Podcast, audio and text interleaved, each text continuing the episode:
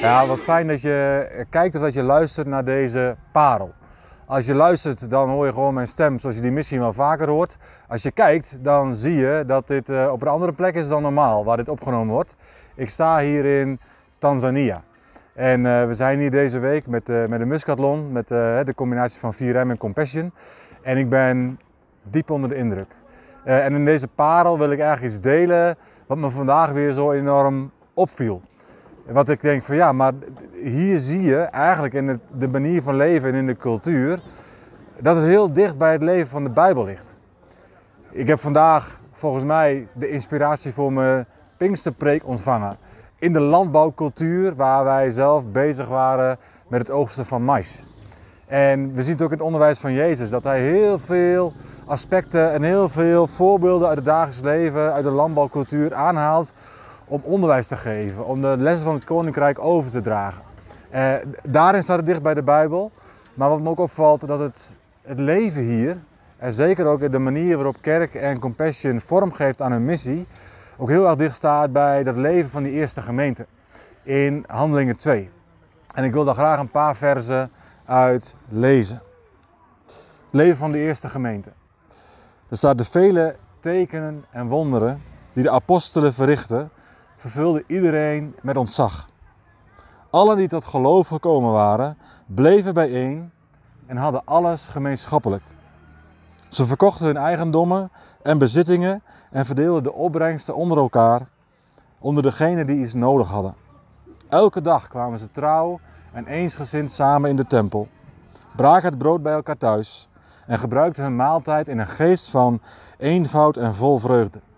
Ze loofden God en ze stonden in de gunst bij het hele volk. De Heer breidde hun aantal dagelijks uit. Steeds meer mensen werden gered. En dat is fantastisch. Als toch uh, er beschreven staat dat ze in de gunst stonden bij het hele volk. En dat is wat ik hier zie gebeuren. En, wat ik hier zie, en dat komt eigenlijk, dat zie je hier in Handelingen 2. En dat zie ik ook hier in Tanzania. Door eigenlijk een holistische blik. Ze hadden alles gemeenschappelijk. Ze verdeelden hun bezittingen en ze, verdeelden, ze verkochten hun bezittingen. Ze verdeelden de opbrengst onder degenen die het nodig hadden, onder de mensen die arm waren.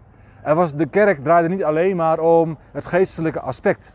Het draaide ook om het zielsaspect, om het fysieke aspect. En dat is wat ik hier zie. En dat is ook wat ik zie gebeuren in die compassion projecten.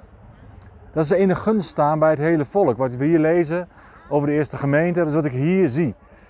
Uh, het Compassion projecten, en dit is geen reclamefilmpje voor Compassion, maar het gaat me meer om de principes die ik hier zie. En wat, wat de parel uit het woord, de handelingen 2, ik zie het hier tot leven komen. En misschien wel meer dan bij onszelf. En daar kunnen we van leren en daar mogen we op reflecteren.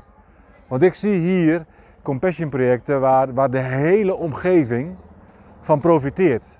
Niet alleen maar in geestelijke zin, maar in, in die hele holistische visie. Geest, ziel en lichaam. En het is zo kostbaar. En de verhalen die wij hier horen op de projecten, uh, de, de samenwerking met de overheid. We hebben vandaag heel veel toespraakjes moeten horen. Op zijn Nederlands tot vervelens toe. En tegelijkertijd zo belangrijk voor Compassion. Allemaal vertegenwoordigers van de overheid. Die kwamen, die zagen hoe belangrijk Compassion is. Dat er zelfs mensen uit het buitenland de projecten komen bezoeken en dat steunen en dat sponsoren. Voor Compassion was onze aanwezigheid goud waard. Want ze worden veel serieuzer genomen door de plaatselijke overheid. Maar ze worden al heel serieus genomen. Omdat de mensen om hen heen zien dat een hele gemeenschap tot bloei komt. Als er een kerk is die wordt uitgebreid eigenlijk met een compassion project. Want dat is ook zo mooi. Het eigenaarschap ligt hier bij de lokale kerk. De lokale kerk is de spil waar elk project om draait. Uh, en dat als voorganger spreekt me dat enorm aan. En als ik dan kijk wat ik hier zie, wat ik hier meemaak, wat ik hier proef. En, en ik denk gewoon aan ons als stadskerk. dan zijn er een aantal hele mooie parallellen. En uh, ik denk dat voor een kerk wij ook vrij goed bekend staan. Dat wij ook in de stad Groningen en Ommeland ja, best wel in de gunst staan bij het volk. En tegelijkertijd, volgens mij is er nog een wereld te winnen. In het samenwerken ook met andere organisaties. Om echt ook verschil te maken in de stad niet alleen naar geest, maar ook naar ziel en ook naar lichaam. Want dat is wat ik wil. Dat we niet zozeer in de gunst staan bij het volk, maar als we in de gunst staan van het volk, het vers wat erna komt is dat en de Heer breidde hun aantal dagelijks uit, of voegde dagelijks nieuwe gelovigen toe.